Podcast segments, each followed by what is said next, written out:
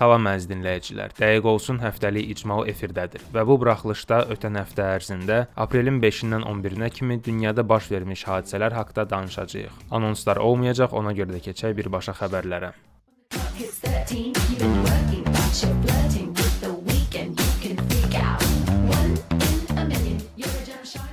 İngiltərənin kraliçası 2-ci Yelizavetanın əri Şahzadə Filip 99 yaşında vəfat etdi. Buckingham sarayı xəbəri cümə günü etdiyi açıqlamada deyib. Onlar açıqlamada bildirib ki, şahzadə cümə günü şəhər Windsor qalasında vəfat edib. Onun iyunda 100 yaşı olacaqdı. Onun dəfn mərasimi bazar günü baş tutacaq.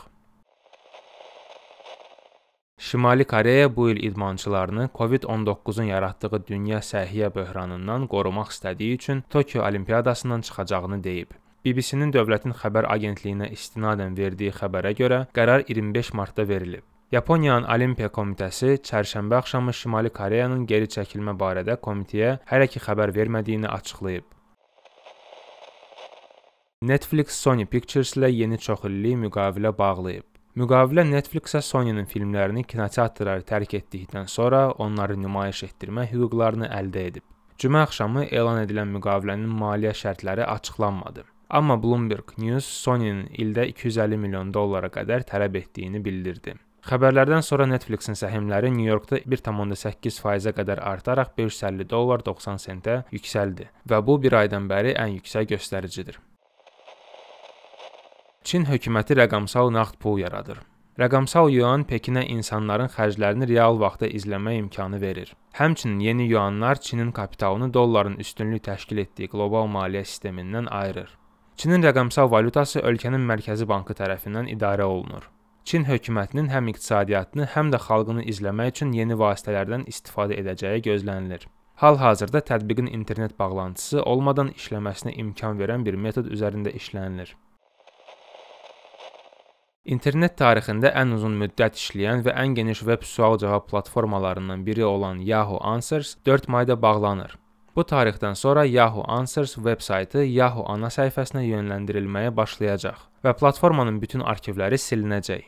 Platforma 2005-ci ildən fəaliyyət göstərir. 20 aprel tarixindən etibarən platforma artıq yeni suallar qəbul etməyəcək. İstifadəçilər 30 iyun tarixinə qədər məlumatlarını əldə edə bilərlər. Bu tarixdən sonra heç bir informasiya əlçatan olmayacaq. Facebook-un bu gün şirkətin ən yeni təcrübəsi olan Hotline funksiyasının ictimai beta sınaqlarını başladı. Web əsaslı tətbiq etmə Instagram Live və Clubhouse-un qarşımı kimi təsvir edilə bilər. Hotline yazı və ya səs vasitəsilə suallar verə biləcək auditoriya ilə danışmaq imkanı yaradır.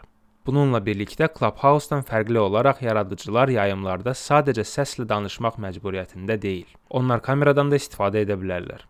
Yayımdan sonra yaradıcı tədbirin iki qeydini alacaq. Biri MP3, digəri MP4 şəklində. Daha sonra o bunları YouTube və ya Facebook kimi digər şəbəkələrə yükləyə bilər. TikTok kimi proqramlar üçün qısa formalı məzmuna çevirə və ya səs yazısını podkasta çevirə bilər. ABŞ-ın Ali Məhkəməsində Google-un Android əməliyyat sistemindəki kopyalanan kodu üzərində 10 illik mübarizə sona çatdı. Digər bir texnoloji nəhəngi olan Oracle 2010-cu ildə Google-un müəllif hüquqlarını pozduğuna görə məhkəməyə vermişdi.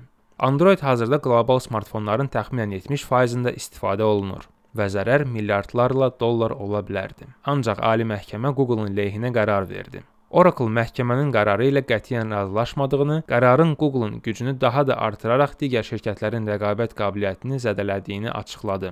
Google isə qələbəni bütün kodlaşdırma dünyasının qələbəsi kimi qəbul etdiyini dedi. Amerikalı rapper və aktyor DMX infarkt keçirməsindən 5 gün sonra 50 yaşında vəfat etdi. Əsl adı Earl Simmons olan ifaçı son günlər nəfəs cihazına bağlanmışdı. DMX, Jay-Z, Jerul və LL Cool J kimi sənətkarlarla əməkdaşlıq edən qabaqcıl hip-hop ifaçılarından biri idi.